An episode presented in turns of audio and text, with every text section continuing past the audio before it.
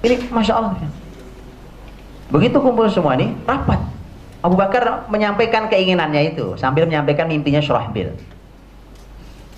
Begitu menyampaikan secara umum rapat itu mengatakan sepakat kita berangkat ke Syam. Tetapi strateginya berbeda-beda. Nah ini nanti antum akan tahu. Ternyata subhanallah, apalagi dalam keadaan genting. Pasukan dalam keadaan sangat genting begitu. E, nanti di Syam itu itu perbedaan pendapat sangat tajam. Namanya antum tahu orang perang. Ya, enggak, enggak perang aja kita berantem ya kan? Ini orang dalam keadaan panik pak, urusan nyawa dan pemimpin Islam itu selalu sangat khawatir kalau ada satu korban dari muslimin. Sangat khawatir. Itu baru pemimpin, ya kan? Loh, hari ini gara-gara jalan berlubang yang tanggung jawab? Korban banyak sudah itu, ya kan? Gak ada yang tanggung jawab. Nah, itu Islam mempertimbangkan. Pemimpin itu selalu mempertimbangkan itu. Ini kalau korbannya banyak, ini masalah. Ini rapat, Pak. Rapat itu e, hanya berbeda tentang bagaimana caranya. Kalau Umar itu selalu konsepnya adalah udah kirim pasukan besar-besaran, itu Umar. Kalau Abdurrahman mengatakan rasanya tidak, tidak begitu. Karena menurut saya, wahai Khalifah Abu Bakar, Anda kirim pasukan bertahap, bertahap, berkala, seperti Anda mengirim pasukan ke Persia ini. Gitu. Nah, coba intinya rapat. Luar biasa oh, rapatnya ahli ilmu ya kan? Rapatnya ahli surga. Jadi rapat itu keberkahnya luar biasa hasilnya. Intinya sepakat. Sepakat berangkat kita. Berangkat. Mulailah kemudian dibuat pasukan-pasukan. Yang berangkat ke negeri Syam bukan sembarang orang. Pemimpin-pemimpinnya bukan sembarang orang. Makanya kalau mau kembali membersihkan Syam hari ini tidak boleh sembarang orang gak bisa. Bayangkan saya sebutkan nama-nama pentolan-pentolan besarnya. Di pemimpin besarnya. Nanti ada pemimpin tertingginya adalah Abu Ubaidah bin Al-Jarrah adalah anhu. Inilah orang satu-satunya sahabat yang oleh Nabi disebut amin hadihil ummah. Orang paling amanah di umat ini. Itu Abu Ubaidah bin Jarrah pemimpin tertinggi di seluruh negeri Syam. Nanti ada pemimpin-pemimpin lain. Ada Surahbil bin Hasanah kemudian nanti ada Amr bin As ada Mu'ad bin Jabal, semua orang besar.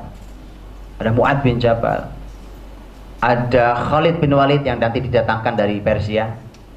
Karena Khalid tidak dari Madinah, karena dia sedang tugas di Persia. Nanti didatangkan dari uh, Persia. Uh, jadi ini luar biasa pemimpin-pemimpin yang sangat besar dalam di kalangan para bukan bahkan bukan tabiin, para sahabat. Para sahabat. Sehingga nanti konflik di lapangan ya, mungkin bukan konflik bahasa pasnya, perbedaan yang tajam di lapangan itu selesai dengan baik. Mengapa? Kita ngaji bareng dulu. Eh, itu di Syam, mereka dalam di lapangan itu bisa berbeda pendapat. Ini saya tunjukkan beberapa dialog. Yang dialog itu begitu tajamnya. Tajam itu kalau rasanya kalau yang dialog kita kita berantem betulan gitu. Tapi karena sahabat nggak apa-apa. Ya, kalau kita yang dialog rasanya tiga hari kita nggak mau salam itu ya. Asal ketemu mukanya kanan ke kiri ya satu. Di Madinah Pak di Madinah itu Abu Bakar seumur berbeda pendapat terus. Tidak gampang. Tapi subhanallah kan perbedaan itu bertemu dengan baik. Mereka saling tahu posisinya. Eh, ini inilah ini enaknya kalau orang berbeda pendapat itu punya Quran dalam dirinya punya iman punya ilmu itu enaknya. Tapi kalau kita, ini antum suka buat grup-grup nih ya, di SMS bikin grup ya kan, di dunia media sosial bikin grup, berantem mulu, yang satu ke, ke utara, satu ke selatan, dua-duanya nggak pakai ilmu. Dua-duanya nggak pakai ilmu, itu sering saya jumpai ya, saya itu kerjanya cuma bukain, pengen tahu aja ini apa sih yang diomongin anak-anak muda kita ini hari ini. Di situlah saya yakin kebangkitan bukan dari Indonesia. Betul, nah ini jujur nih. Sampai antum bisa buktikan tidak begini keadaan di dunia sosial, media sosial. Betul, Pak. Walaupun walaupun saya Kordowi beberapa kali ke Indonesia dan belum memberikan rasa optimis bahwa kebangkitan dari Indonesia, saya katakan belum saya, belum dari sini. Kalau begini keadaan belum. Oh belum. Kita tadi kita bisa berantem runcing panjang lebar.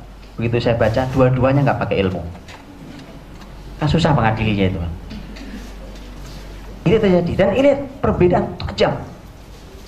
Saya contoh ya perbedaannya, Pak. Baik di Madinah di ibu kota membahas tentang itu, ya sampai perbedaan tajam di lapangan. Itu sangat luar biasa. E, di Madinah umpamanya Abu Bakar dan Umar itu kan punya e, terus berdialog, terus berdiskusi antara mereka berdua tentang berita yang sampai terus kirim surat terus segala macam Contohnya tentang masalah Khalid. E, karena ini adalah panglima luar biasa. Ini panglima yang e, kalau ada di antara antum yang senang menganalisa dunia militer, analisa orang yang satu ini tidak ada panglima sehebat dia, Pak. Di sepanjang sejarah orang berperang. Masuk peperangan, baik saat dia masih jahiliyah atau saat dia sudah masuk Islam, tidak pernah kalah. Anda tahu Rasul kalah di perang Uhud gara-gara siapa? Gara-gara Khalid. Gak gampang, ini orang gak gampang nih. Abu Bakar radhiyallahu anhu dengan Umar itu dua-dua pemimpin yang dua-duanya luar biasa. Tetapi karakter kepemimpinannya beda. Saya sama Ustaz Umar ini beda, Pak. Ya kan? Beda ya kan? Tuaan saya, mudaan beliau ya kan? Beda. Ya. Karakter pemimpin bisa beda. Dan gara-gara beda karakter memimpin, itu terjadi perbedaan yang cukup tajam. Tetapi kalau kita berbeda dengan ilmu tidak masalah. Kalau ilmu itu ada ukurannya, ya kan? Ilmu itu ada ukurannya. Nah, kalau kita berbeda pakai perasaan, nah perasaan itu gak ada ukurannya. Susah kita ngukurnya. Mengadilinya juga susah, namanya perasaan, Pak. Tapi kalau ilmu ada. Saya berbeda dengan beliau, dalam masalah ilmu kita bisa dudukkan. Kita dudukkan sekarang. Kalau tidak ketemu juga, maka kepemimpinan yang akan mengambil. Saya pemimpinnya. Ditanggung jawab di hadapan Allah kalau itu sudah langsung ya.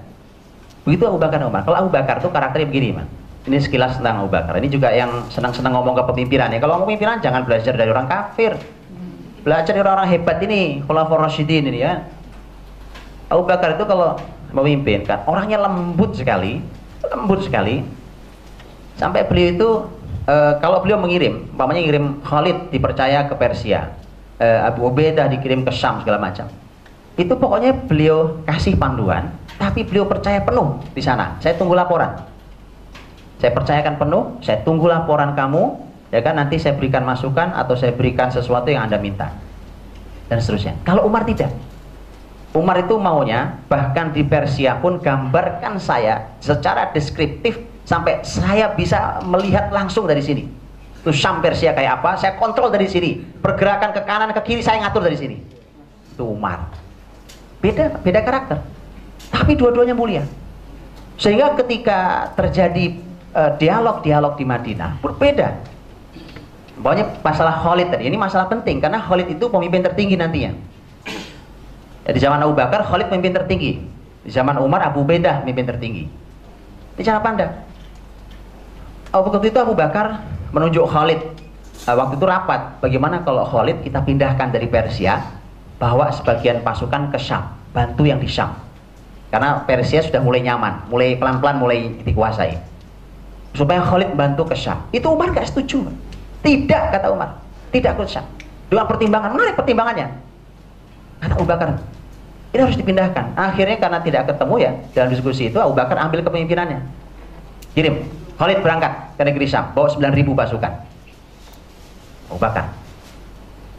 Nanti di ujung uh, di ada sebegitu salah satu kota ditaklukkan di Syam. Kan itu Khalid uh, ketika sudah masuk ke Syam dan kota-kota itu ditaklukkan dengan begitu mudahnya oleh Khalid gitu ya, kurang lebih kalimat mudahnya. Begitu cepatnya Khalid masuk gitu. Entah bagaimana itu ceritanya Khalid radhiyallahu anhu. Khalid ini masya Allah ya, uh, karena dia pemimpin besar. Itu kadang-kadang mengambil keputusan sangat cepat. Nah kecepatan itu suka susah diikuti oleh anak buahnya kadang-kadang suka susah diikuti oleh panglima lain. Ini sebenarnya ada plusnya ada minusnya. Nanti ada plus ada minusnya di masalah Syam juga begitu. E, di antaranya gitu, dia ngambil keputusan ya bisa sendiri. Nanti waktu e, Damaskus, penaklukan Damaskus, Damaskus itu termasuk kota yang terakhir ditaklukkan karena itu kota paling ramai, kota dengan benteng yang kokoh, besar, susah ditaklukkan oleh muslimin. Itu Khalid masuk dari pintu timur, Abu Ubaidah masuk dari pintu barat, eh, dari pintu utara, nanti beberapa sahabat yang lain bawa pasukan. Itu pemimpin tertingginya sebenarnya Abu Ubaidah, bukan Khalid. Tapi Khalid mengambil kebijakan di dalam benteng tanpa sepengetahuan pemimpin tertinggi Abu Ubaidah. Tetapi kalau antum baca sejarah, antum akan membenarkan eh, tindakan Khalid. Ini nggak benar sebenarnya, nggak benar. Ini bukan kapasitas Khalid untuk mengambil perjanjian damai atau memutuskan untuk saya serang terus. Bukan bukan wilayah Khalid. Makanya pas sebenarnya ketika Abu Bakar disandingkan dengan Umar. Khalid disandingkan dengan Abu Beda. Karena Abu Bakar lembutnya sama kayak Abu Beda. Khalid tegas kerasnya sama dengan Umar. Gitu? Jadi antum selalu nyari tim gitu, Zat. Itu luar biasa. Yang satu ngegas terus, yang satu ngerem terus. Ya. Enggak jalan-jalan kan? Bukan itu maksudnya ya. Yang satu punya analisa tuh maju, pokoknya nggak pernah mundur, maju, maju, maju, maju. Yang satu memberikan pertimbangan, belok dikit lah, ya kan? Kiri dikit, belok, muter balik, ya gitu. Begitu jadinya. Karena kalau kemudian, ini juga kalimat Abu Bakar radhiyallahu. Abu Bakar radhiyallahu anhu ketika ya, mengatakan eh, ketika beliau nanti mau meninggal dan eh, menuliskan pesan bahwa pengganti saya adalah Umar. Eh, Abu Bakar As-Siddiq radhiyallahu anhu kan eh, kemudian diprotes oleh orang ya kan eh, kenapa harus Umar orangnya keras orangnya galak masyarakat takut segala macam ada kalimat Umar yang bagus di antaranya Umar mengatakan Umar itu menjadi galak dan keras karena melihat saya terlalu lembut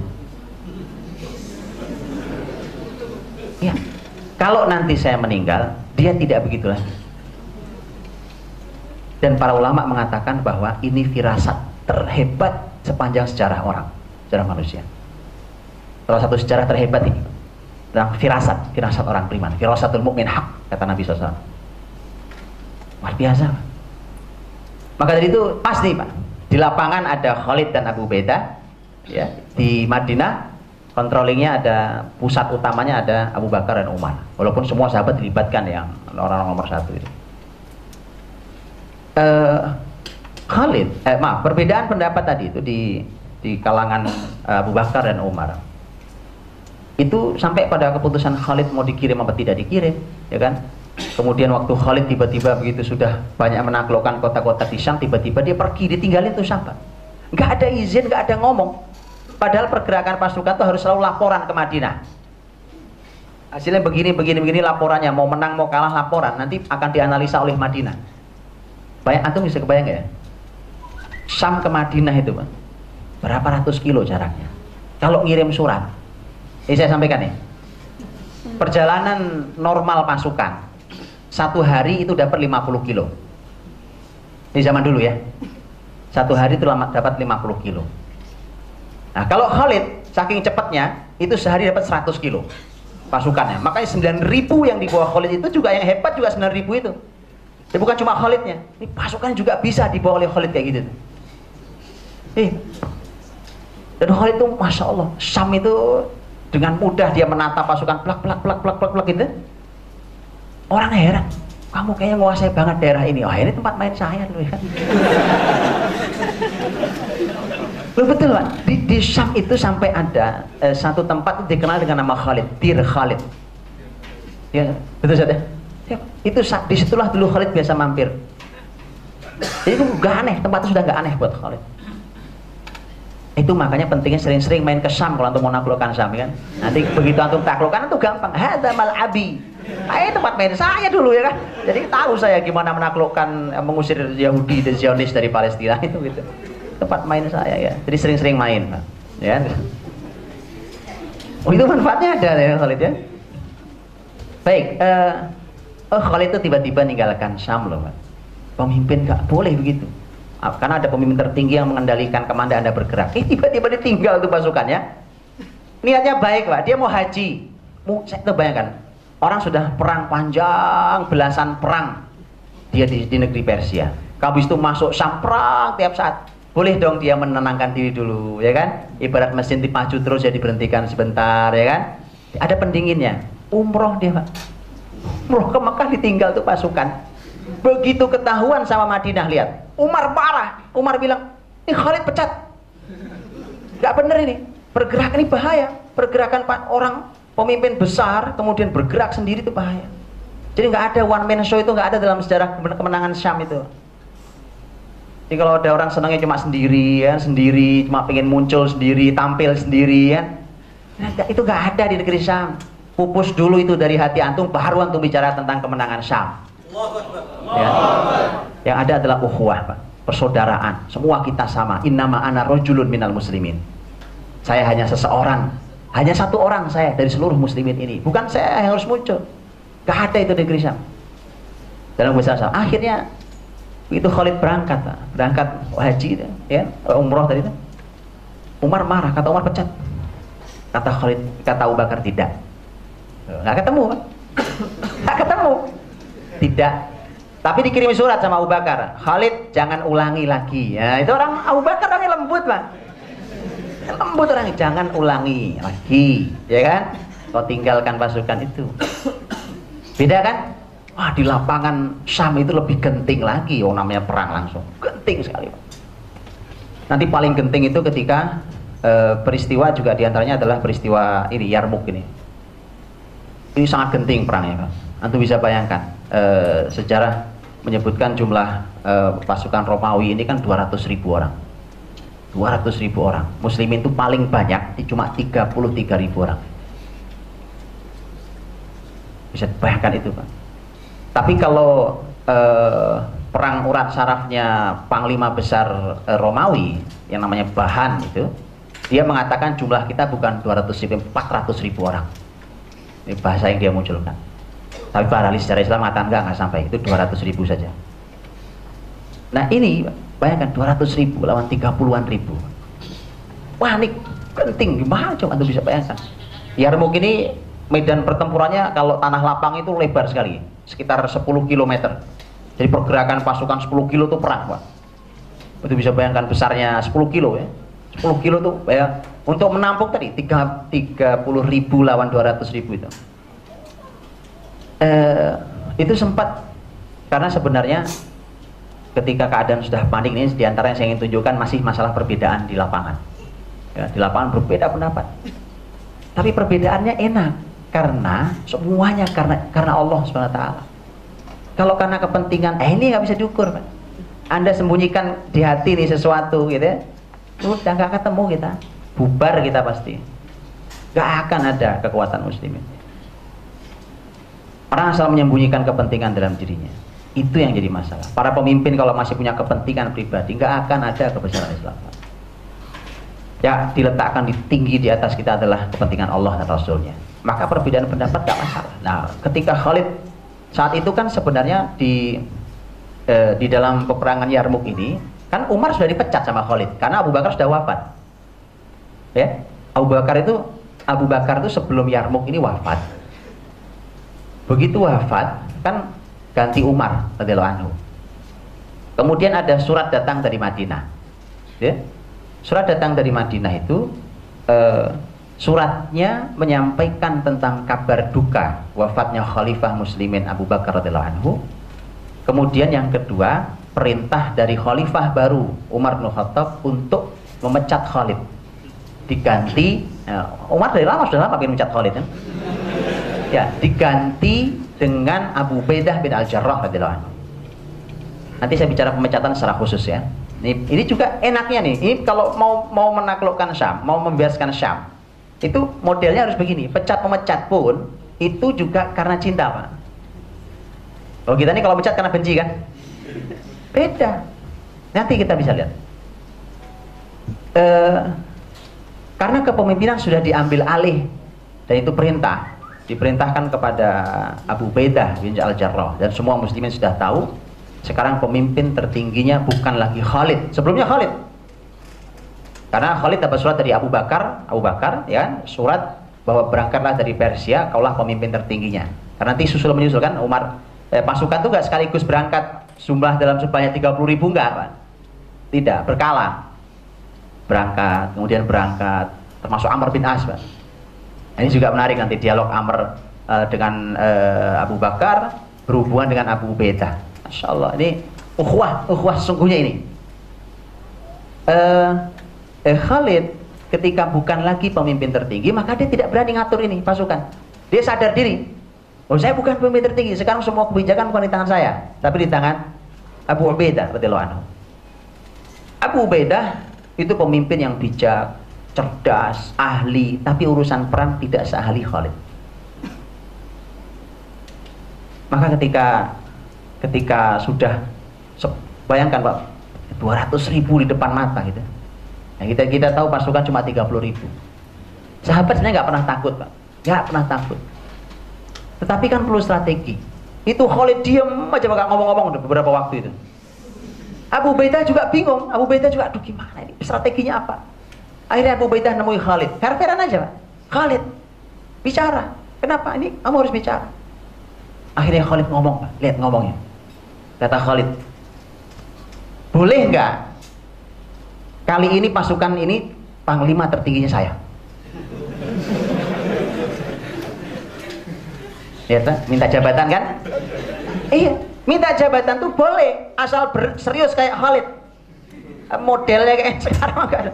Tapi kalau kayak Khalid ya Pak. Dan Abu Baidah sadar diri untuk keadaan sangat genting di dunia perang itu tidak ada nomor dua. Tidak tidak ada nomor orang yang hebat seperti Khalid. Abu Baidah bahkan tidak sehebat Khalid. Dia sadar diri Abu Baidah. Kata Abu Baidah ya ambil. Dia betul ambil. Kau sekarang kau panglima tertinggi. Jadi saat Yarmuk ini, pemimpin seluruh Syam adalah Abu Beda, tetapi panglima tertinggi di Yarmuk adalah Khalid. Karena Khalid minta. Nah Khalid sudah bingung mau menyampaikan usul ya kan? Di saat saya ada bos saya ya kan? Usul mentok, usul mentok. Ada yang genting, nggak bisa. Saya harus ambil sekarang, saya saya sekarang kerahkan, saya perintahkan, instruksi, atur gitu. Kelamaan kalau saya koordinasi dulu mau Ustaz Umar. Ustaz Umar atasan saya bilang gimana Ustaz ini? Kelamaan. Ini pasukan buru mati ya kan? Langsung saya putuskan, bak bak bak bak gitu. Makanya langsung aja Khalid bilang, bagaimana kalau saya ambil aja nih panglima tertinggi di sini? Kata Ubaidah ambil. Begitu ambil, baru Khalid ambil kebijakan. Dia membuat strategi perang yang nggak pernah ada sebelumnya di dunia Arab itu. Yarmuk. Karena ini nggak lazim kata Khalid, keadaan ini nggak lazim. Ketika tidak lazim harus ambil strategi yang tidak lazim. Iya kan? Itu Syam, Pak. Itu Syam. Antum lihat saya sekarang, Palestina. Palestina itu yang dihadapi itu tidak lazim karena itu pemimpin penguasa peradaban bumi hari ini Yahudi Dr. Abdul Halim Uwais dalam bukunya uh, Dirasat uh, li Thalathin Daulah Islamiyah kajian terhadap keruntuhan 30 negara Islam beliau mengatakan dan akhirnya setelah beliau panjang lebar setiap daulah Islam itu dari mulai uh, dinasti Bani Umayyah, Abbasiyah, terus Andalus segala macam dikaji satu-satu apa penyebab keruntuhannya dan akhirnya ujungnya sampai di Turki Utsmani. Terus beliau mengatakan dan akhirnya lembaran bercahaya kita ditutup terakhir kali oleh Yahudi. Jadi peradaban ini peradaban Yahudi di semua bidang di semua bidang, kesehatan, pendidikan, politik, ekonomi, semua Yahudi, pasar, semua Yahudi. Betul? Emang begitu?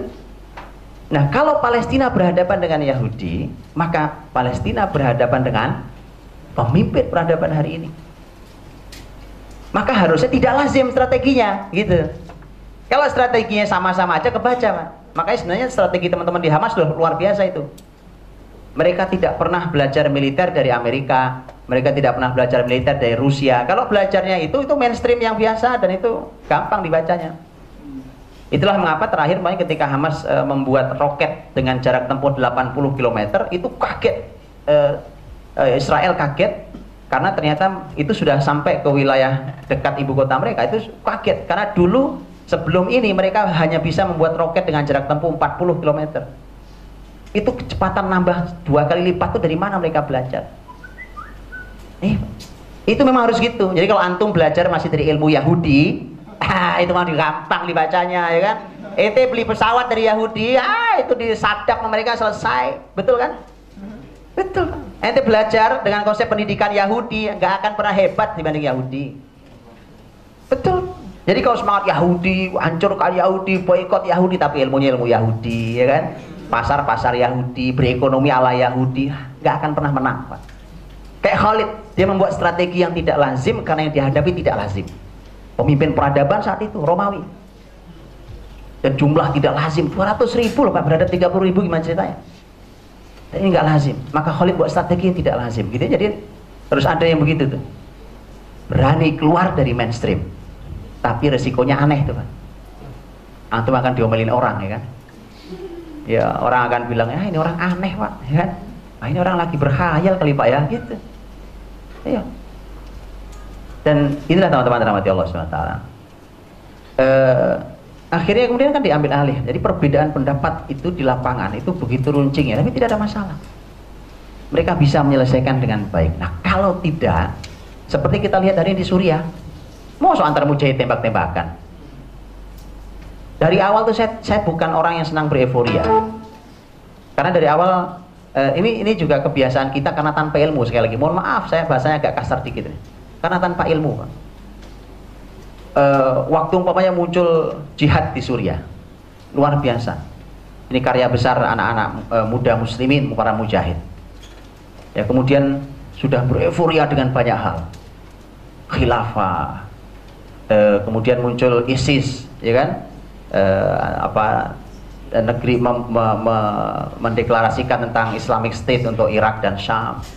Udah bereforia gitu ya saya bilang masih jauh kalau antum baca dari sisi peradaban. Bahwa ini bagian dari usaha, iya. Bagian dari usaha, iya. Tapi tidak, belum. Tapi di tengah orang bereforia, kalau saya menyampaikan pendapat, saya dicaci maki banyak orang. Pasti itu. Bahkan mungkin ada yang mengatakan, ini Anda ini anti jihad ya itu. Makanya diem aja. Begitu jatuh baru saya ngomong, hah bener kan saya bilang, ya kan? Selalu begitu. Dan ini ini masalah di masyarakat kita, Pak. Ya, uh, umpamanya ini, ini banyak sebenarnya saya pendam di hati saya tentang umpamanya bicara tentang masalah uh, apa nih di Indonesia ini kan juga begitu. Uh, untuk mengambil ilmu itu ustadz yang menongol di TV ya kan? Kita nongol di TV ini makanya resiko kayak saya ini bahaya posisinya. Uh, nongol di TV gitu kan kemudian kalau iya karena itu menjadi masalah. Dan ketika sebuah ajaran sedang dipakai oleh banyak orang ajaran ini salah gitu ya. Kemudian saya mau negur, ini salah nih ajaran. Oh, dicaci maki seluruh Indonesia. Ya, Begitu jatuh baru rame. Oh, salah ya Pak. Iya kan kemarin dia ngomong saya ya kan. Salah ya kan. Tapi karena orang lagi mabuk tuh begitu susah. Nah, itu yang terjadi. Maka lihat sekarang Pak. Mujahid, sesama mujahid tembak-tembakan. Di media saling fitnah. Ini nuduh sana, ini nuduh sana, ini nuduh sana coba. Ada tahu? Muslimin hari ini dengan cara apa pun belum siap. Lihat saya tunjukkan. Saya bertemu dengan salah satu panglima Hamas di di Masjidil Haram pada salah satu itikaf di Ramadan. Kemudian saya bertanya waktu itu tentang waktu itu Mesir baru diambil alih oleh Ikhwan. Oleh oleh Ikhwan dan e, saya tanya ke beliau simpel buat saya Apakah kenaikan Mursi memberikan manfaat buat antum di Gaza? Simple, gak usah berteriak-teriak ya kan. Kalau memang betul anda berjuang, buka itu pintu Rafah, selesai. Kan dari awal juga teman-teman Gaza minta anda nggak usah bantu, buka aja pintu Rafah. Itu insya Allah masalah selesai kan. Saya cuma tanya ke beliau, ada gak manfaatnya Mursi naik buat antum? Simple. Kalau tidak sudahlah itu berteori kepanjangan. Ternyata betul. Beliau mengatakan, Alhamdulillah manfaatnya besar. Oh luar biasa. Nah, setelah itu beliau ngasih ngasih kaidah, ngasih sebuah ilustrasi. Ilustrasi tentang negeri Syam, hubungannya dengan Mesir. Karena menurut sebagian ulama negeri Kinanah itu dua-duanya. Ada yang mengatakan Mesir saja, ada yang mengatakan Mesir plus Syam. Dia mengatakan, beliau ini mengatakan bahwa ini ada Palestina, kemudian ada Suriah, kemudian ada Mesir yang cuma dibatasi oleh Laut Merah. Ini seperti burung, seperti burung badannya Palestina, sayap kanan kirinya adalah Suriah dan Mesir. Ketika itu Mesir sudah mulai memberikan harapan. Baik, memberikan harapan. Waktu itu Ikhwan naik, kemudian saya tanya betul, oh dia yang di Gaza jadi dia tahu kan? Saya tanya apakah ada manfaat? Dia bilang ada, sangat banyak manfaatnya. Mursi naik, alhamdulillah masyarakat mulai nyaman hidupnya di Gaza. Waktu itu. Hei, setelah itu dia mengatakan, beliau mengatakan, mudah-mudahan berikutnya ini pasti adalah Suriah. Nah, kalau Suriah ini pun bisa diambil alih oleh muslimin, maka ini pasti akan terbang seperti burung. itu pasti akan keluar Zionis tidak lama lagi. Itu harapannya begitu. Nah tapi lihat perhatikan, kan kalau di Mesir itu kan diambil alihnya dengan proses pemilu, demokrasi, gitu kan? Ikhwan masuk di pemilu dengan bergabung dengan beberapa kelompok Islam lain mengangkat Mursi. Kemudian muncul nih di negeri ini yang juga aneh juga nih, ya kan? Kerjanya cuma senang berantem, ilmunya nggak ada. Kemudian bilang demokrasi kafir, oke, okay. oke. Okay. Kalau mau kita diskusi boleh kita diskusi kan? Demokrasi kafir. Setelah itu ini nggak benar Mesir nih. Mesir, ah Mesir ini nggak benar nih. Begitu Mursi jatuh semua bersorak, tuh kan benar. Orang ikuti konsep kafir masuklah yang suka menyerang Mesir itu kemudian masuk ke Suriah melalui jihad. Ini baru jalan benar. Eh tembak-tembakan juga di Suriah sesama mujahid. Gitu. Jadi kesimpulannya adalah muslimin hari ini mau pakai demokrasi, mau pakai jihad, dua-duanya tidak siap. Dua-duanya belum siap. Kalau saya memberikan pendapat bisa, tapi pendapat saya tentang bagaimana saya bersikap terhadap demokrasi itu pendapat saya. Itu bukan wilayah kita hari ini. Atau berbicara tentang masalah jihad yang di Suriah itu. Cuma saya ingin menyampaikan tadi bahwa Syam itu di zaman sahabat Nabi SAW itu ditaklukkan dengan dinamika yang berbeda di lapangan ataupun di pusat kepemimpinan di Madinah tetapi mereka bisa bersatu itu.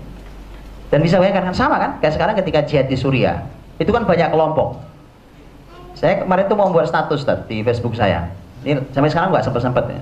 Nggak tahu Allah ridho atau tidak ridho. Kalau kalau nggak sempet dan nggak jadi berarti Allah tidak ridho biasanya gitu kan tapi kalau bisa ya saya buat. Saya nggak tahu beberapa hari saya teringat. Begitu saya dengar baca berita tembak-tembakan tuh antar mujahid. Tembak-tembakan apa segala macam saling fitnah di media. Yang dihadapi jelas-jelas orang kafir. Bashar Asad kafir gitu kan? Lo kok tembak-tembakan lo antar mujahid coba? Ya kan saya entah kenapa subhanallah, ini tiba-tiba munculnya di kepala saya. Ini saya tiba-tiba ada review di kepala ini bahwa eh, teman-teman yang sebagian tentu, sebagian yang berjihad di Suriah itu itu pernah di status-status Facebook di Indonesia ini itu mencaci maki mufti Saudi Syekh Abdul Aziz Ali Syekh saya ingat betul itu saya tidak mau menjawab karena saya malas konflik. Kalau dengan orang berilmu saya siap. Tapi kalau enggak itu cuma berantem doang. Gitu. Itu saya malas banget kalau cuma gitu ya. Eh, berantem cuma enggak. Karena kalau kalau dengan ilmu boleh. Karena waktu itu uh, Mufti Saudi ini kan di situ dituliskan pokoknya Mufti Saudi anti jihad segala macam. Ini Mufti kerajaan anti jihad tidak boleh berangkat ke ke segala macam. Saya mohon maaf, mohon maaf sampai hari ini saya termasuk orang yang tidak pernah percaya kalau berita itu dari ada berita di Timur Tengah terus saya ambil dari bahasa Indonesia. Saya mohon maaf tidak pernah percaya dari mana pun sumbernya. Saya udah kapok pak. Setiap saya cek mesti salah. Gak tahu saya ini. Kenapa gitu? Akhirnya kemudian saya nggak pernah percaya. Maka saya cek langsung berita Arabnya. Saya cari itu dari berbagai macam berita yang bisa dipercaya karena kalau di di Timur Tengah tuh enaknya eh, web-web itu ada penanggung jawabnya tokoh penanggung jawabnya bahkan fotonya dimunculkan. Pokoknya ini webnya Syekh Dr. Ait Al-Korni ini webnya Salman Auda. Ini web gitu jelas. Ini webnya Syekh siapa itu? Maka begitu saya cari ternyata saya ingin tahu apa sih kalimat pasnya ceramahnya mufti Saudi ini tentang larangan anak muda berangkat ke negeri Syam untuk jihad ke Suriah. Ternyata begini bunyinya. Bunyinya adalah kalian jangan berangkat karena kalian tidak tahu di sana harus bergabung ke kelompok yang mana. Kalau ditulis itu jauh lebih bijak, Pak. Betul kan? Dan subhanallah, begitu dicaci maki ini beberapa waktu setelah ini kemudian saya teringat, ah, apa ini gara-gara kualat Anda mencaci maki para ulama? Ada ada satu kalimat ini lazim Umar tahu. Luhumul ulama masmumah. Gitu saja. Dagingnya para ulama itu beracun ente makan mati ente. Betul. Ini ungkapan di luhumul ulama masmuma. Dagingnya ulama itu beracun. Anda sentuh tuh mati ente. Ya, akhirnya tuh betul kan? Apa yang beliau sampaikan jauh-jauh sebelum terjadi peristiwa konflik hari ini itu antar mujahidin itu itu beliau sudah katakan hati-hati karena kamu tidak tahu ke sana mau bergabung ke kelompok yang mana. Ini ulama sudut pandangnya jauh cuma dicaci maki tuh anak-anak muda Indonesia gini-gini kan banyak yang muda kan. Caci maki kan cuma ini semangat ini. Maka tolong kalau ada berita tolong di cross check apalagi zaman fitnah apalagi keadaan fitnah. Bicaralah seperti para sahabat Nabi Shallallahu Alaihi Wasallam di negeri Syam itu. Ya itu semuanya melalui eh, jalan ditabayun ditanya dicari di dan seterusnya. Kemudian disikapi dengan baik itu berbicara tentang masalah eh, perbedaan. Jam berapa nih Ustaz? Setengah sepuluh. Selesai jam 4 atau jam 5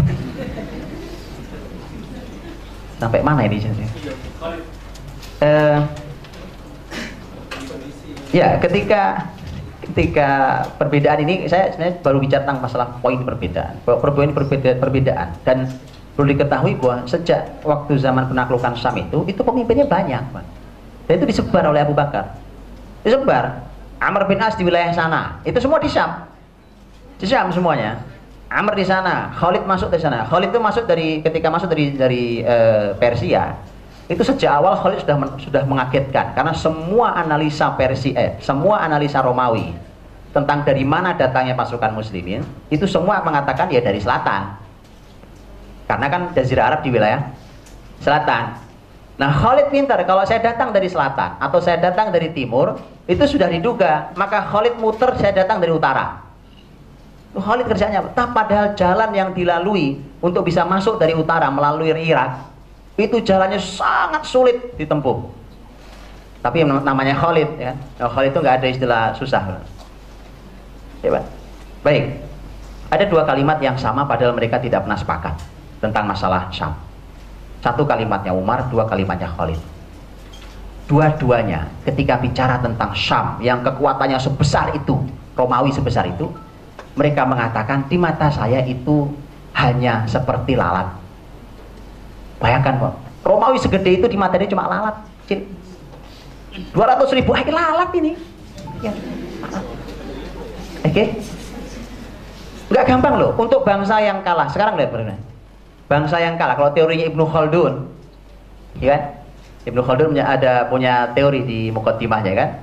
Walaupun teori ini dikritik oleh sebagian ulama tapi di beberapa poin. Tapi secara umum benar bahwa bangsa kalah itu selalu pengennya ngikut yang menang. Di segala hal, cara berpakaian, eh, segala macam etika, adat, budaya apa segala macam itu ngikut bangsa yang eh, bangsa yang menang. Dan ternyata memang begitu. Susah untuk bangkit saat bangsa kalah itu susah sekali. Begitu ngomong peradaban, bicara tentang Islam, Pak, Pak, Pak, keadaannya beda, Pak itu kan zaman Rasul dulu. Sekarang udah berkembang Pak zamannya, ya kan? Bangsa kalah itu susah diajak ngomong, Pak. Betul. Makanya tidak perlu banyak, hanya perlu orang-orang yang mau berpikir di luar mainstream tadi itu. Kayak Khalid itu. Di luar mainstream. Jadi berani berpikir, enggak, kita jalankan. Kalau ini perintah Allah Rasul pasti bisa dijalankan. Bahwa itu aneh itu biasa, oh, Nabi juga sudah bilang dari awal kan? Islam itu aneh, ya kan? Ah, badal Islamu qariban wa sa'udu qariban kama badal. Mulai asing ya berkembali pada asing itu biasa. Biasa aja. Ya, itu di segala hal pak. Nah jadi kalau eh, ketika pemimpin mereka banyak disebar Surahbil masuk dari mana eh, kemudian Amr bin As masuk dari mana Khalid masuk dari mana ini itu disebar. Tetapi mereka bisa bersatu. Padahal saat itu alat komunikasi jarang alat komunikasi apa cuma ngutus orang alat komunikasi sama tulisan kertas itu. Ya, atau maaf bukan kertas uh, tulisan surat bukan kertas nomor kertas. Nah hari ini alat komunikasi gampang ternyata kita sering kali miskomunikasi. Kan aneh pak. Alat komunikasi mudah orang bilang canggih tapi kita sering miskomunikasi. Ya antum sering miskol doang. Ya miskomunikasi. Sudah gitu kalau SMS gak dijawab ya susah ya ini nggak jawab jawab sombong amat padahal nggak punya pulsa beda urusan pak Tolong dipahami, orang berbeda. Anda kan nggak pernah lihat, bahkan nelpon sekalipun Anda nggak tahu di sana beliau lagi ngapain. Ya, soal itu, itu coba lihat. Dan masalah komunikasi saja itu masalah loh. Itu masalah. Dan Syam, Syam itu sekali saya katakan di depan tadi, itu adalah gabungan tentang semua kehebatan. Baru Syam bisa diambil. Gitu? Baik, saya bicarakan tentang strategi Khalid yang aneh. Ini strategi yang aneh supaya kita sekedar kita tahu.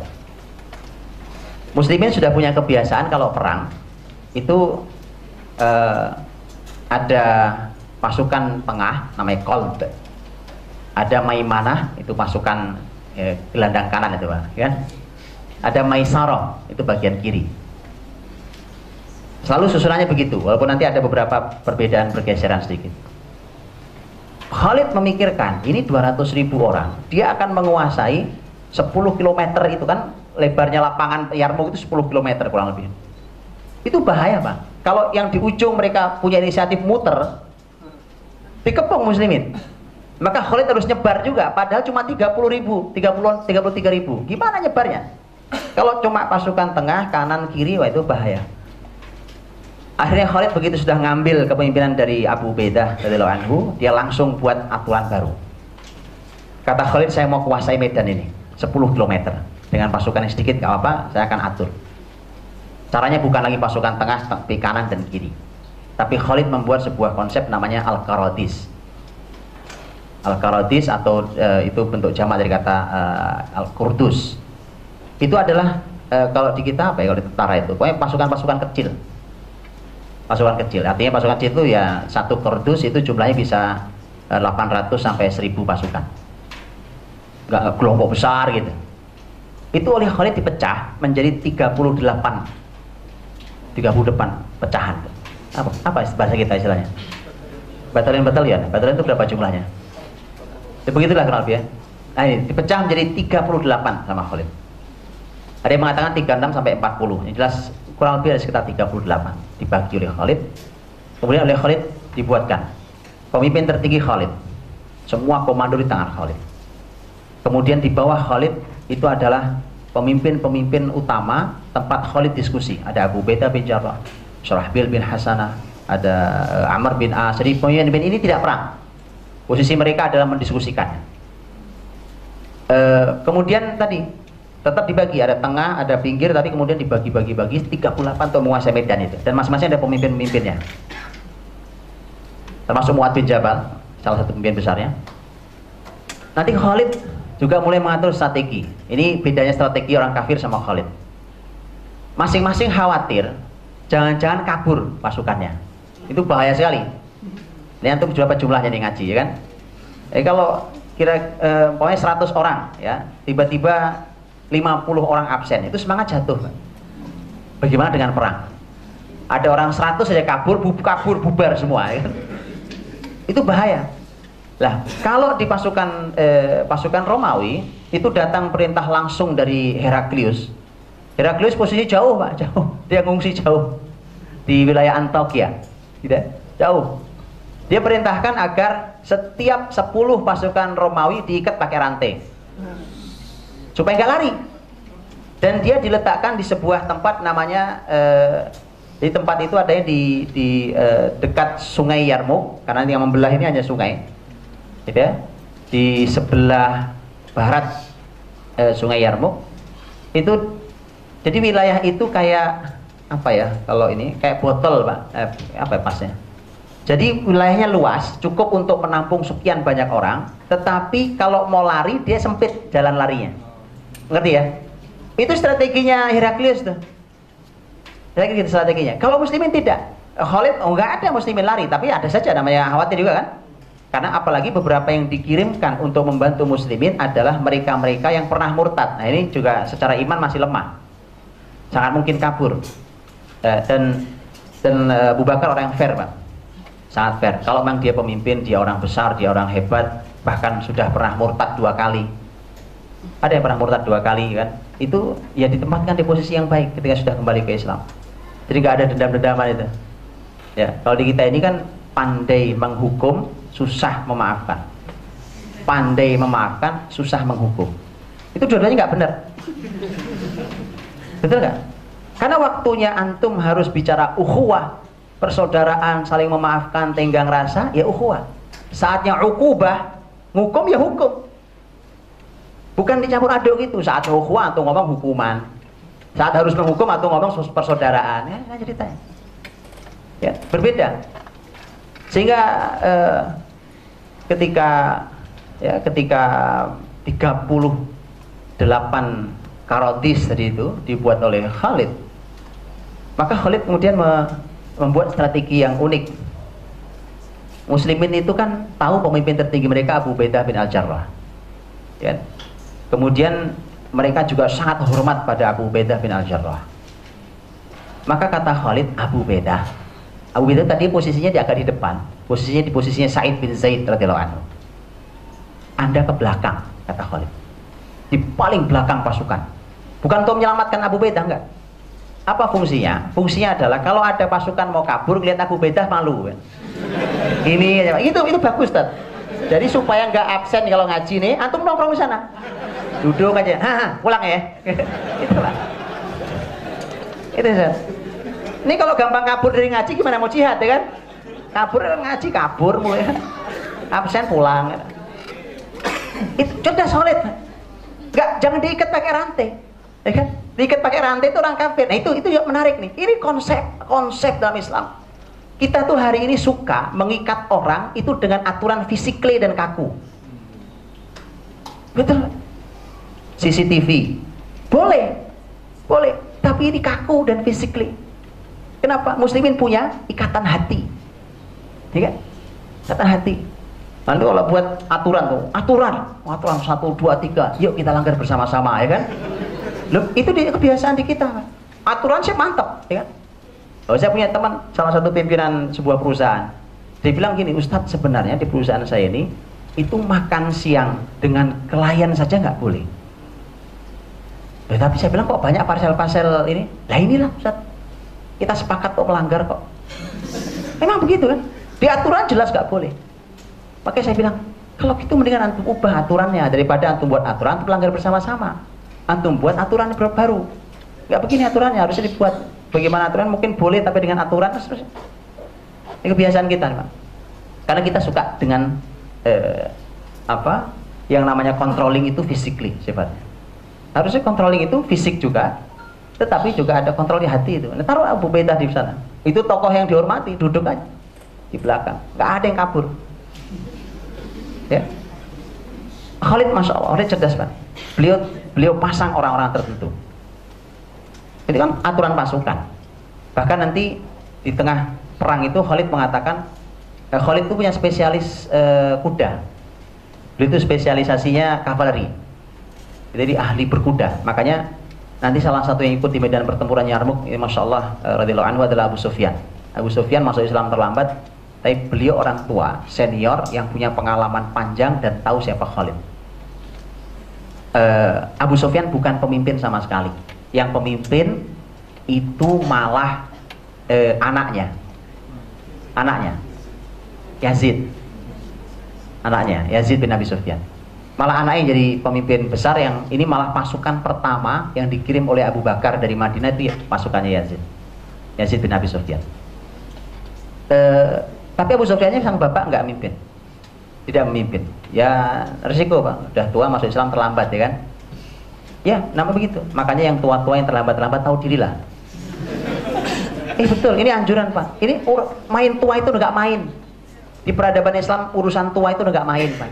Urusan tua ya kan, terus duduk ya hanya modal karismatik ya kan, duduk nggak main sudah.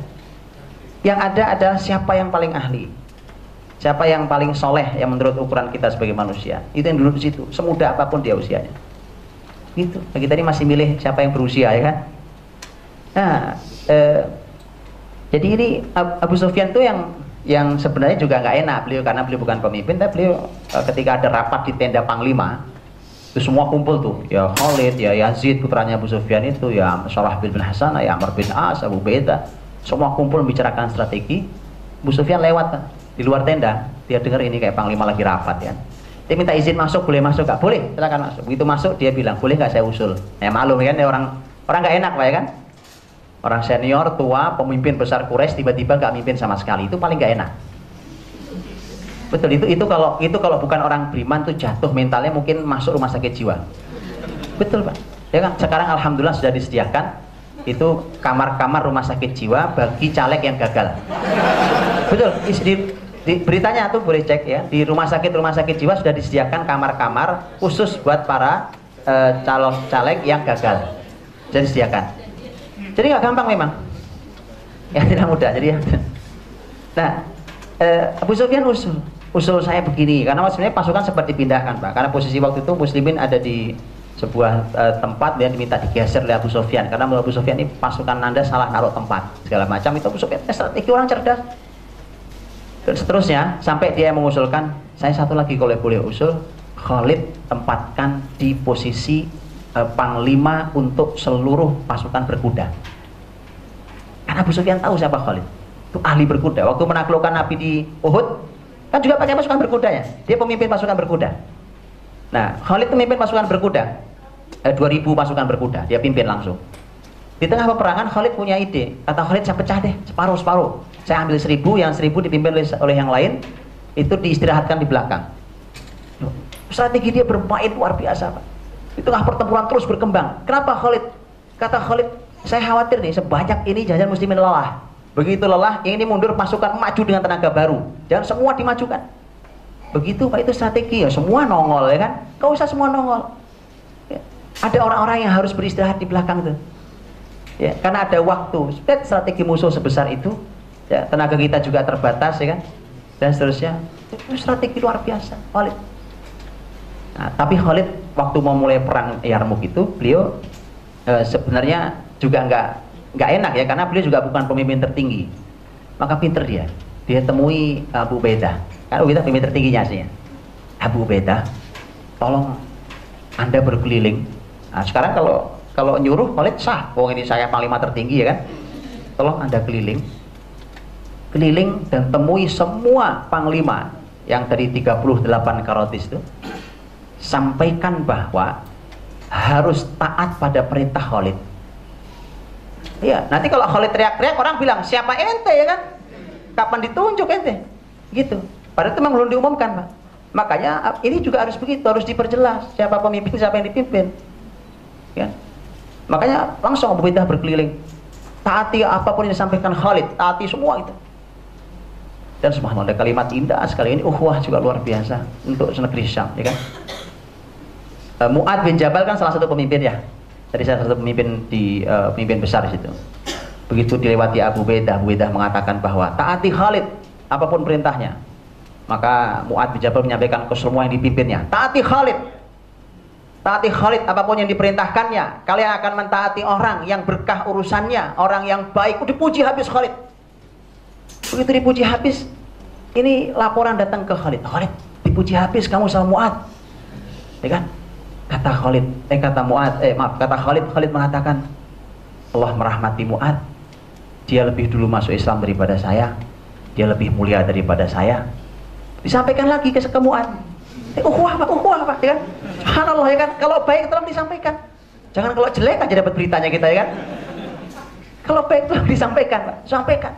Muat menyampaikan lagi. Menyampaikan memuji. Subhanallah, penting. Ih, itu wah, luar biasa antara mereka. Dan muat muat nggak ada tuh ceritanya. Eh, duluan saya perasaan ngerti Islam daripada ente ya kan? Kenapa ente mimpin saya? Nggak ada ceritanya gitu, Pak. Ada ceritanya itu. Dan Khalid membagi pasukan sangat lengkap, sangat lengkap karena Khalid mengatakan uh, uh, ada uh, kalau ada penyemangat namanya penyemangat al-qas namanya penyemangat penyemangat itu e, adalah posisinya adalah Abu Sufyan penyemangatnya ada yang tugasnya membacakan ayat. Karena surat al-anfal itu e, ayatnya para mujahid itu tugasnya bacain ayat. Itu e, seingat saya adalah Abu Darda adalah anhu. Kemudian ada yang fungsinya adalah e, menjadi hakim. Hakim untuk semua perselisihan terutama kalau nanti sudah dapat gonimah karena biasanya kalau dapat gonimah berantem kita. Itu ada. Dan itu seingat saya adalah Abdullah bin Mas'ud adalah anu. Uh, jadi dibagi oleh Khalid luar biasa. Lengkap pasukan. Lengkap pasukan. Ya, dan detailnya dan detailnya silakan dibaca bagaimana sampai uh, muslimin itu sampai bisa mendapatkan kemenangan yang luar biasa. Dan satu lagi juga Khalid itu di pertempuran-pertempuran menaklukkan kota-kota di negeri Syam itu. Kan kota-kota kota ditaklukkan sampai Yarmuk ini sebenarnya agak belakang. Yang mungkin agak belakang ini sebenarnya menjelang masuk Al-Quds agak belakang sebelumnya nggak bisa langsung masuk Yarmouk harus membuka banyak kota dulu ya kan e, ada Busro kota Busro kemudian nanti masuk wilayah e, namanya Maroj Sifer, ada namanya Ajnadin, kota-kota ini. Nanti Yarmouk itu di belakang. Uh, Damaskus, uh, Damaskus sendiri kota terbesarnya. Nah di situlah Khalid radhiyallahu anhu dan para sahabat yang lain itu ketika mereka menaklukkan negeri-negeri itu mereka selalu selalu terus berpesan tentang uh, ibadah. Dan kesaksian kesaksian uh, intel intelijen. Nah ini ini juga menarik buat intelijen. Kesaksian intelijennya Romawi. Ya, ada yang menjadi intel malah masuk Islam nanti ada. Romawi. Uh, siapa namanya lupa. Uh, Ibnu Harroz atau siapa namanya itu dia akhirnya masuk Islam. Di situ nanti dia bercerita begitu masuk Islam. Bahwa saya dulu menginteli kalian karena saya orang Romawi pasukan Romawi. Begitu diinteli laporannya ke ke panglima tertinggi e, Romawi yaitu Bahan itu laporannya begini. Mereka itu mereka itu siapa nih yang datang ini? E, karena perlu antum tahu bahwa di kepala panglima tertinggi Romawi dan bahkan di ceramahnya Heraklius waktu membakar semangat kota-kota agar berani melawan muslimin itu yang di kepala mereka muslimin datang ke sini itu lagi kelaparan di negerinya karena nggak hujan-hujan negerinya itu di kepala mereka jadi muslimin masuk ke sini itu karena karena karena Syam itu negeri subur, kaya, walaupun tidak sekaya Irak. Oh Irak itu masya Allah ya, tidak sekaya Irak. Tetapi Syam itu masya Allah.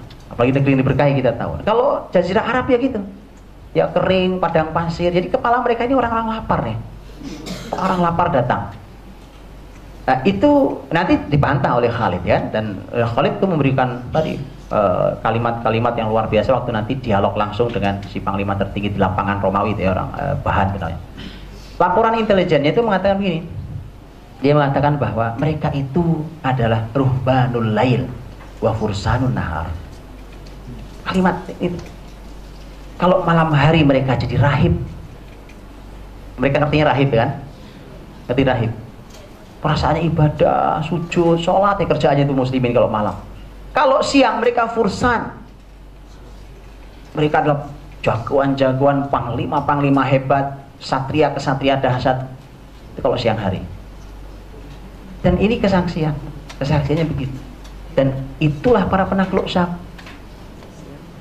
Pembuka Syam itu adalah ruhbanul lail wa fursanun nahar. Baru ya. Masih susah bangun malam ya.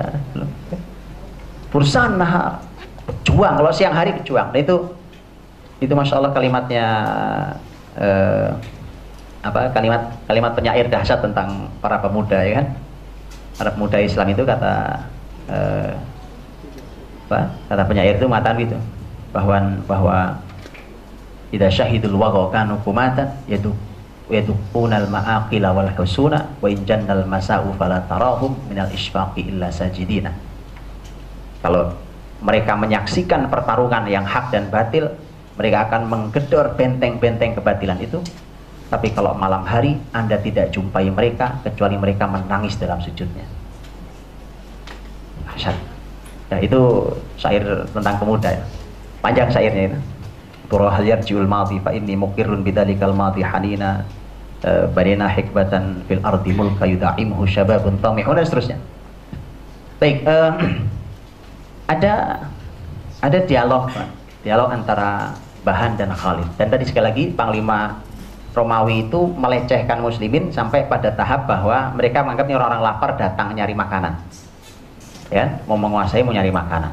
Datang Khalid waktu itu mereka pengen nego kita pengen dari muslimin datang langsung Khalid sendirian datang ya Allah ini perhatikan saya, saya gambarkan ya saya gambarkan supaya antum tahu ini Khalid menganggap Romawi benar-benar kayak lalat pak hanya sekecil alat Romawi itu. Lihat.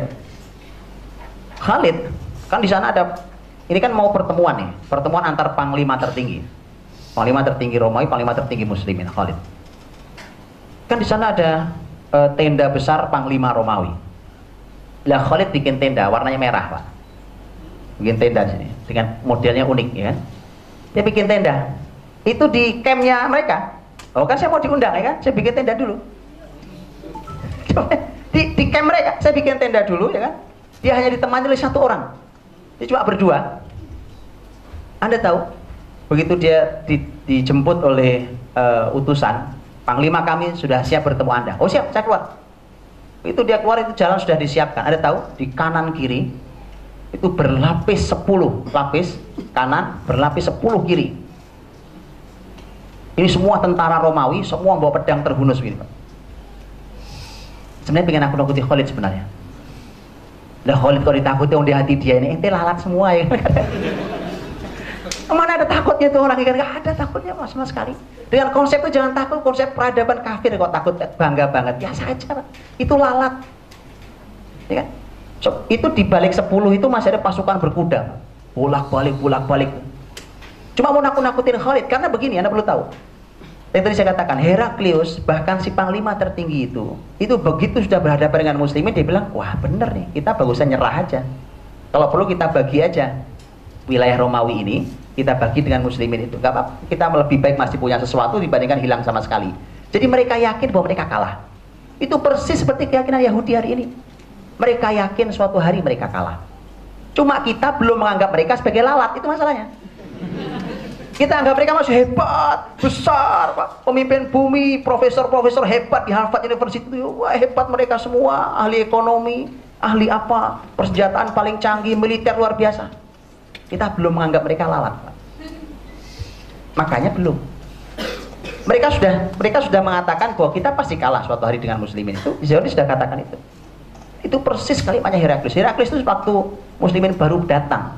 Itu dia sudah temui para apa para pastor di terutama di wilayah Palestina.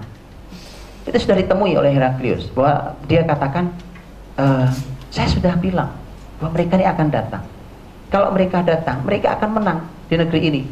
Bagaimana kalau kita nyerah saja, nanti kita tinggal bernegosiasi. Marah semua pastor. Marah akhirnya ya mau tidak mau kan. Heraklius ya sudah, kalau gitu kita lawan aja kan. Kalau anda nggak ada yang setuju. Jadi sudah dari awal panglima tertinggi mereka tahu bahwa mereka akan kalah. Jadi Khalid berangkat ke tenda panglima tertinggi itu tuh kayak begitu kanan kiri ya, Pak. Masuk di tenda itu, ya itu dialognya dialog menghina itu pada Khalid ya. Tapi sebenarnya sudah mau nego. Begini aja Khalid, ya kan? Bagaimana kalau setiap satu pasukan Anda, jadi setiap satu orang dari pasukan Anda, itu saya kasih 10 dinar. 10 dinar, Pak. Plus satu onta lengkap dengan bawaannya. Jadi kalau onta itu kan bawaannya mesti makanan apa. Orang anggap dia orang lapar. Dari awal tuh di kepala dia ini orang lapar ini. Eh, songong emang dia. Loh, sekarang muslimin dianggap dunia ketiga loh, Pak. Negara dunia ketiga. Dianggap Anda nggak berpendidikan, Anda orang lapar, dianggapnya betul loh. Nggak ada yang baru. Makanya saya bilang sejarah itu mengulangi diri, nggak ada yang baru. Bacalah sejarah untuk akan tahu masalahnya sampai solusinya. Subhanallah itu. Dan di sinilah kemudian eh, 10 dinar setiap orang. Itu kalau dikalikan 33 ribu berapa yang harus dia keluarkan? Ditambah satu onta, setiap orang dapat satu onta lengkap dengan isinya gitu, itu kurang lebih truk satu truk gitu ya, ya. kemudian dia bilang tahun depan nah setahun lagi datang ke saya lagi saya kasih yang sama. Saking pokoknya sudah pulang aja kita damai-damai aja kan damai itu kan indah ya kan. Pulang aja lah nggak usah. Dari awal sudah begitu. Jadi sudah mereka sudah siap kalah. Khalid sampai Khalid senyum-senyum aja kan Khalid mengatakan bahwa bukan bukan untuk itu kita kita datang ya Bukan untuk itu urusannya kita datang ke sini. Begitulah sampai uh, kemudian si apa panglima tertinggi Romo ini ngecek. Jadi mengatakan bahwa ini sebenarnya Khalid ini pemimpin tertinggi muslimin atau bukan atau ada orang-orang yang lain. Kemudian panglima tertinggi mengatakan gini, Romawi ini, bahan namanya ini mengatakan bahwa e, apa anda masih perlu berdiskusi dulu dengan e, mungkin pemimpin-pemimpin yang lain di muslimin, ya kan? Di Arab. Lihat jawaban Khalid. Kalau di mereka itu pemimpin ambil keputusan penuh. Kalau di muslimin wa amruhum syura bainahum wa syawirhum fil amr. Musyawarah. Khalid mengatakan, susah kata Khalid. Bagaimana saya mengambil e, rapat dulu padahal orang yang kayak saya ini di pasukan saya ada 2000 orang kurang lebih. Orang makin uh banyak benar orang pinter-pinter nih. Lu dari 33 ribu yang kata Khalid 2000 orang. Gimana saya mau ambil pendapat mereka? 2000 orang. Oh, mereka mikir juga, ini orang cerdasnya kayak begini kan, hebatnya kayak begitu, kemudian 2000 begini, waduh. Ya Khalid mah dialog mau Khalid mah habis lah ya. ya tidak ada pilihan buat kata Khalid. Pilihannya adalah al-Islam, awil jizyah, awil qatl, awil kital ya kan udah. Mau perang Islam, bayar jizyah atau kita perang. Ya, dan kita tahu bahwa kemudian ya eh, kemenangan di tangan muslimin dan seterusnya. Teman-teman mati Allah, saya tutup sedikit lagi, saya sebelum lewat. Saya ingin sampaikan silakan dibaca dan saat banyak pelajaran mahal di Yarmouk ada yang kedua yang ingin saya sampaikan uh, tentang uh, Syam. Ini ketika muslimin masuk ke uh, setelah setelah Yarmouk ini nanti salah satu kemenangan luar biasa dan ini adalah pintu untuk masuk ke Afrika adalah penaklukan Al-Quds. Disebutnya itu kota Elia. Uh, Al-Quds ini uh, itu kan kunci kotanya di, dipegang oleh para pastor-pastor uh, itu. Ada pastor tinggi mereka dan kita tahu bahwa salah satu orang hebatnya adalah sahabat mulia Amr bin As radhiyallahu anhu. Ini strategi juga canggih sekali, silakan dibaca di strateginya ya. Amr bin As radhiyallahu anhu dan tentu juga ada sahabat-sahabat yang banyak sekali yang lain tapi ini nanti yang termasuk Abu Beda tapi begitu masuk ke Mesir nanti ada perang besar Amr bin As setelah mengapa nanti Umar menetapkan Amr bin As sebagai gubernur di Mesir nantinya. Uh, Al-Quds itu ada pelajaran mahal sekali karena begitu sudah selesai dan perlawanan orang-orang Al-Quds sudah selesai sudah tidak ada perlawanan lagi maka eh, si pemimpin waktu itu yang ditemui adalah Amr bin As kemudian sang pastor ini bilang begini bukan anda orang yang menerima berhak menerima kunci Al-Quds Kata Amr kok bisa tahu? Ya, karena di kitab suci kami tertulis orang seperti apa yang akan menerima kunci Al-Quds. Disebutkan cirinya. Kata Amr, oh kalau itu berarti Umar. Itu pemimpin kami di Madinah. Kirim surat dia langsung. Umar datang. Ternyata menurut kitab suci mereka Anda yang terima orangnya. Cirinya seperti itu persis ya. Pak. Jadi subhanallah, betul kalimat Rasul. Kalau ada nabi setelah aku maka Umar. Illa annahu la nabiyya ba'di. Tapi tidak ada nabi setelah aku. Umar radhiyallahu anhu berangkat, Pak. Disebutkan dalam sejarah sebenarnya dia berangkat cuma berdua dengan uh, pembantunya dengan stafnya. Ya, ya kok ya kok nggak bawa satu lagi onta gitu deh. Kok bawa onta juga cuma satu, Pak. Itu berdua naik gantian. Gantian. Ya, sekian kilo Umar turun ganti stafnya, sekian kilo turun Umar ganti. Ini gitu gantian sampai Palestina. Kalau khalifah muslimin, tidak ada pengawalan tuh. Ya, subhanallah. Begitu menjelang masuk gerbang tuh, sebenarnya sudah ditemui oleh para sahabat. Ditemui oleh para sahabat. Uh, ada ada beberapa sahabat Nabi mulia di sana yang menemui uh, Umar. Sebenarnya kebijakan apa pertimbangan sahabatnya juga bagus. Dia berkata pada Umar, Umar, orang-orang Palestina, eh, Kristen sini, Ortodoks ini, itu sangat memperhatikan penampilan Nah Umar itu kan penampilan sederhananya luar biasa, ya kan? Kita tahu sederhananya luar biasa. Lalu bajunya aja, kok ya ada yang iseng ngitung berapa tambelannya itu di sejarah ada pak. Ya Allah lengkap betul sejarah Islam itu. Sampai berapa tambelan kok ya tega orang ngitung tambelannya berapa gitu. Ada di sejarah disebutkan tambelannya. Ya itulah Umar gitu. Pemimpin tertinggi, penguasa Persia Romawi, bayangkan. Sesederhana itu itu pilihan hidup seorang Umar.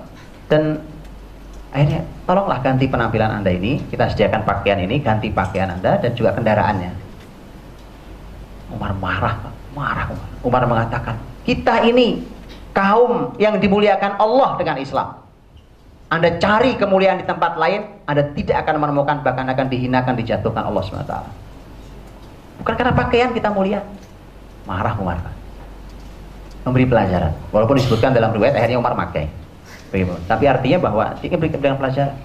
Jadi urusan dakwah bukan masalah Anda berpenampilan kayak apa, kendaraan Anda seperti apa. Bukan itu. Silakan pelajari yang jadi pelajaran mahal sekali. Karena Umar sudah datang, masuklah pintu gerbang, disaksikan oleh banyak sekali orang Kristen Ortodoks uh, Palestina. Ada ada uh, pasturnya, begitu pasturnya ngelihat, itu kan saya tadi kan jalan kaki itu kan satu jalan kaki, satu naik kuda tadi, naik apa, naik kendaraannya Sang pastor langsung tahu yang pemimpin itu yang jalan kaki itu, bukan yang naik kendaraan. Karena begitulah tertulis di kitab suci kami. Coba kalau bawa onta dua-duanya ditolak sama pastor.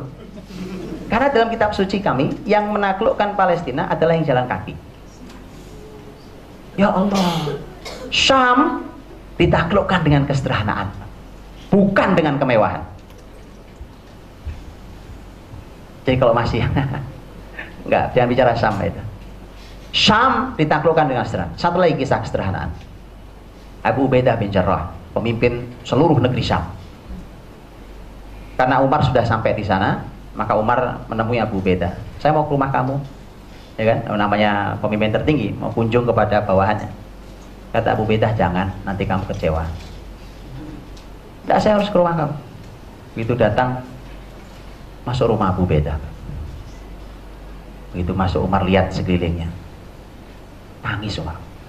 Nangis Umar. Hanya ada perangkat apa tuh masak tuh, eh, pedang, kemudian ada tameng, cuma peralatan kecil-kecil itu. Pemimpin tertinggi seluruh negeri Syam yang kaya itu, Abu Beda bin Al-Jarrah. Umar nangis lihat itu. Kata Umar, semua kami sudah diubah oleh dunia, hanya kau yang tidak berubah oleh dunia. Nangis Umar lihat pertemuan satu khalifah dua gubernur Syam bahwa Syam bisa diambil muslimin dengan kesederhanaan pemimpinnya ya baik uh, terakhir saya mau lompat dari Khulafaur Rasyidin karena sebenarnya sekali lagi bahwa uh, masuk ke negeri Syam itu uh, Syam itu kan tadi ada empat, empat negara ya kalau hari ini. Kalau dari Jazirah Arab dulu, uh, maaf dari sejarah dalam sejarah Islam, pintu Muslimin itu untuk membebaskan Palestina itu selalu masuk dari Suriah. Selalu dari Suriah. Ada yang dari Suriah langsung ke Palestina, kemudian baru masuk ke Afrika, Mesir dan seluruh Afrika itu zaman Umar. Tapi zaman Salahuddin Alayubi dari Suriah itu masuk ke Mesir baru membebaskan Palestina. Jadi Suriah itu memang pintu utama yang menentukan di dalam sejarah Islam. Ada yang Suriah, Palestina, Mesir, ada yang Suriah, Mesir, Palestina. Yang mana pun itu, itu memang sejarah gitu. Dan ini bisa jadi ini yang betul terulang. Jadi Palestina ini merdeka nunggu Suriah. Makanya teman-teman yang jihad di, di, di Gaza itu e, ketika Suriah bergolak mereka malah pergi bantu ke ke, ke Suriah. Ya, ke Suriah. Baik, eh, ini uh, tokoh besarnya kan Salahuddin Alayubi, Nuruddin Zenki. Nuruddin Zenki itu pemimpin tertingginya saat itu uh, di kota Halab dan Salahuddin Alayubi itu pengagum beratnya Nuruddin Zenki. Pengagum beratnya Nuruddin Zenki. Sehingga kepemimpinan Salahuddin sebenarnya niru jiplak uh, kepemimpinannya Salahuddin uh, Nuruddin Zenki. Ya, walaupun nanti dia punya karakter sendiri, tapi ini memang, memang begitu hasil hasil didikannya, ya. Dan uh, eh, Salahuddin Ayyubi ya anak kampung pak ya dari Tikrit dulu Tikrit di eh, Irak ya kan di Irak terus dia pindah negerinya apa konflik ayahnya dalam ancaman pamannya dalam ancaman segala macam dia pindah e, masuk kota Halab di Suria. Kemudian nanti dia ikut pamannya menjadi salah satu pasukan di Mesir dan seterusnya dengan strategi yang canggih. Dan berhadapan dengan Syiah juga dulu. Di Mesir berhadapan dengan Syiah. Jadi kalau hari ini di Suria Syiah itu nggak aneh dulu Salahuddin pun belajar eh, apa maaf itu menaklukkan Syiah dulu di Mesir baru bisa membersihkan Palestina dari eh, pasukan salib. Ternyata juga gitu hari ini. Harus begitu dulu memang. Tapi yang saya sebenarnya menarik buat saya adalah Salahuddin al Ayyubi itu menutup menutup negara Syiah di Mesir tanpa ada pergolakan. Hebat banget. Kok bisa ya? Luar biasa Salahuddin itu. Itu tutup tutup habis Salahuddin ditutup habis negara Mesir yang itu di bawah Syiah. Habis tutup di tangan Salahuddin dan tidak ada pergolakan sama sekali. Nah, silakan dibaca gimana ceritanya itu kan. Inspirasi besar, menarik buat kita. Baik, uh, jadi ternyata memang perlu orang-orang yang seperti Salahuddin Layubi dan Salahuddin sekali lagi sama dengan para sahabat yang tadi itu ukuran negeri Syam itu adalah juga salah satu ukurannya ukuran ibadah. Kita tahu bahwa Salahuddin Alayubi ketika mau mengumumkan jihad untuk jihad di Palestina membebaskan dari pasukan salib, dia sering bolak-balik juga ke ke Damaskus untuk mengontrol Masjid uh, Al Umawi. Masjid Al Umawi setelah subuhnya udah penuh belum gitu. Ya, itu ukuran jihad, Pak. Ya kan ngomong jihad, jihad, jihad, subuh nggak bangun ya. Iya. Bicara jihad, jihad. So, subuh sepi masjidnya. Ya kan? Bicara tentang dakwah, dakwah ya kan. Di masjid gak ada salat subuh. Salahuddin mengukurnya pakai itu. Begitu belum belum saya umumkan jihad pun pasti kalah muslimin muslimin. Tadi kan ruhbanul lail wa fursanun nahar. Gitu. Nah, jadi tokohnya memang harus kayak begitu. Jadi memberikan penyadaran ke masyarakat sampai di tingkat. Nah, satu lagi yang menjadi ini juga cuplikan eh, terakhir yang yang uh, buat kita perlu memang ada orang-orang yang lagi-lagi menguatkan kalimat berani keluar dari mainstream itu uh, dengan Islam ini tentunya itu adalah Saifuddin Qutuz itu yang tadi saya cerita di depan Saifuddin Qutuz itu rahimahullah itu kan berhadapan dengan dengan Mongol. Dan Mongol itu perlu anda mengetahui bahwa Mongol itu datang tiba-tiba menjadi sebuah kekuatan seperti dongeng di negeri dongeng.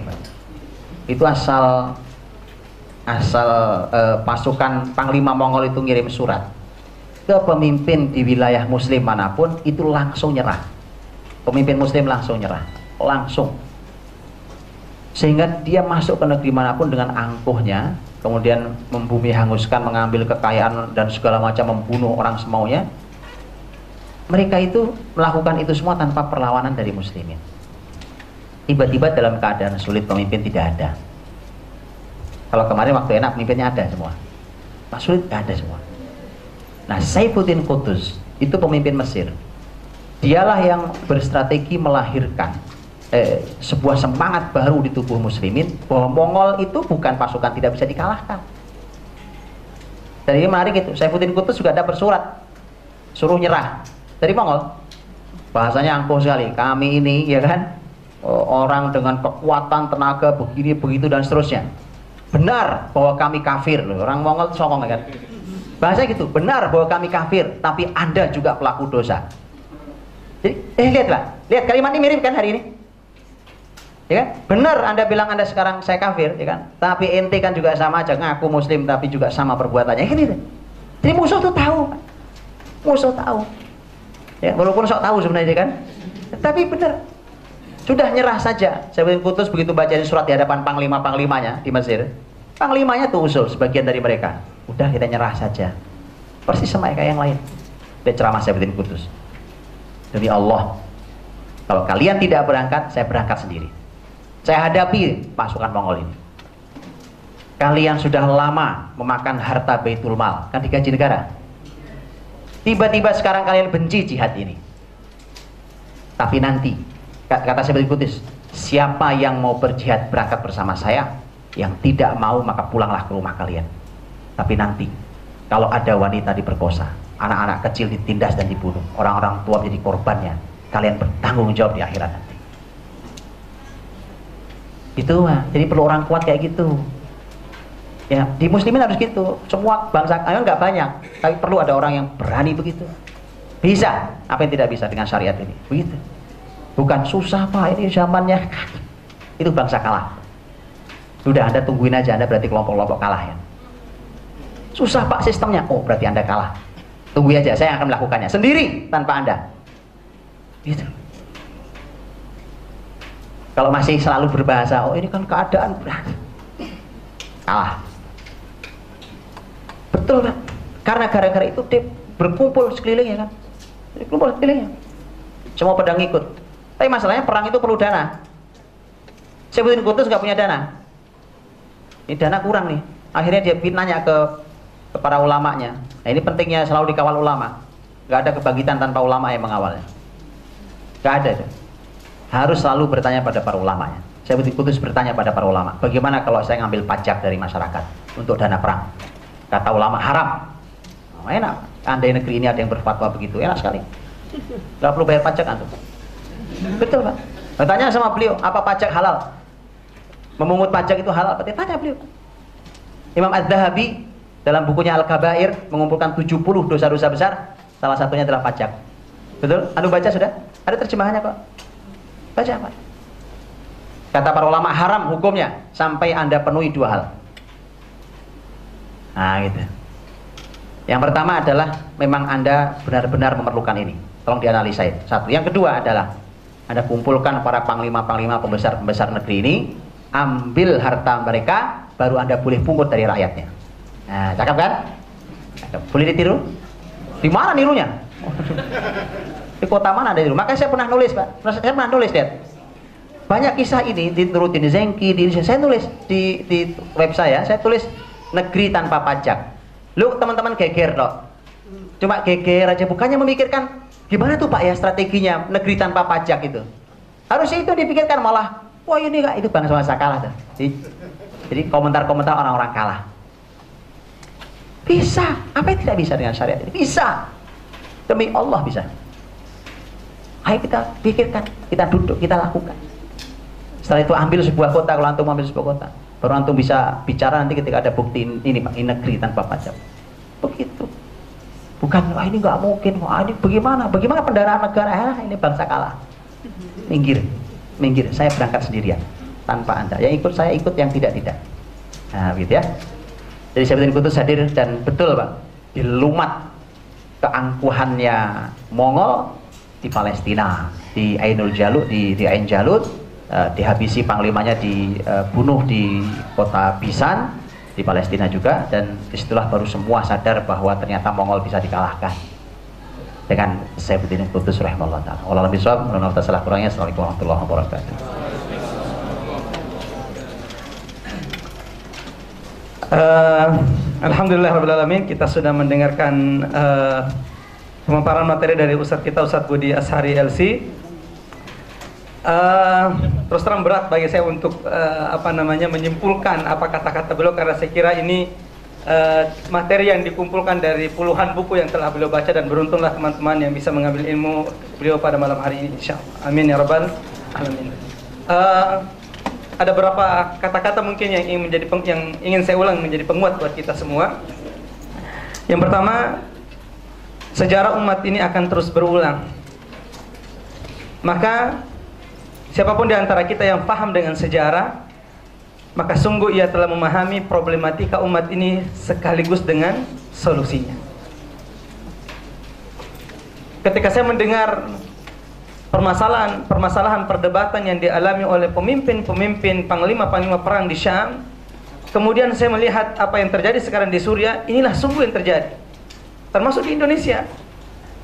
Bedanya adalah pemimpin-pemimpin yang ada di Syam adalah mereka yang punya Quran. Sementara yang ada di Indonesia ini satu mengkafirkan, satu membid'ahkan. Karena ada egoisme di sini.